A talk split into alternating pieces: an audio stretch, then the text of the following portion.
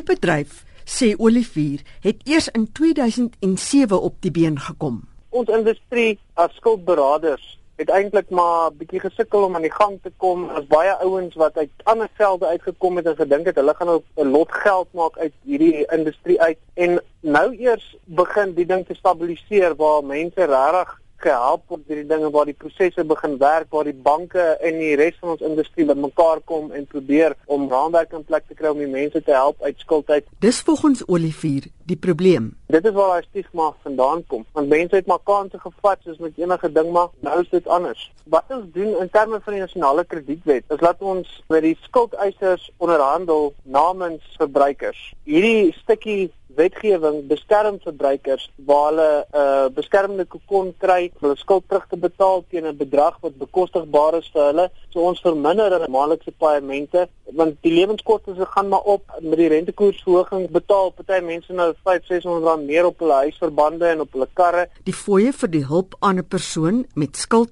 word deur die wet op nasionale krediet gereguleer. Aldus Olivier Ons kombineer al jou maandelikse paemente in een groot paement. Jy hoef nie geld neer te sit op die tafel vir 'n skuldberader om jou te help nie. Van maand 1 af begin jy net daai paemente betaal en ons fooi is ingewerk in daai paement. Die struktuur werk as volg: Die eerste maand vat ons as 'n fooi. Dit is ook beperk tot op 'n maksimum deur die reguleerder vir gesamentlike aansoek waar man en vrou binne gemeenskap van goedere getroud is, is daai fooi beperk R2000 plus BTW. Die volgende maand word die regskoste in die paaiement gedek en daarna nog 5% vir nasorg wat bystand deur die skuldberader insluit. Maar wat is die verligting?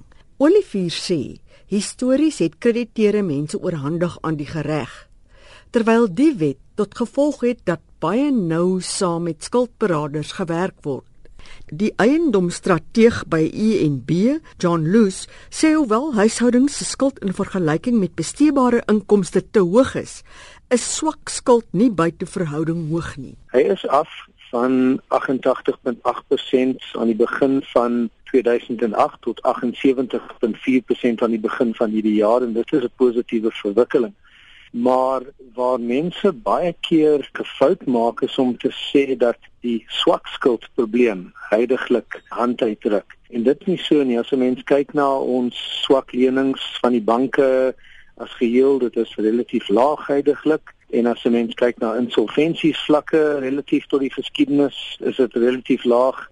Hy sê die rede hoekom swak skuld nie nou te veel is nie is beslis nie omdat minder geld bestee word nie dit is as gevolg van baie lae rentekoerse hoofsaaklik. So daar is nie 'n heidaglik groot swak skuldprobleem nie, maar dat daar te veel skuld is, glo ek is korrek om te sê.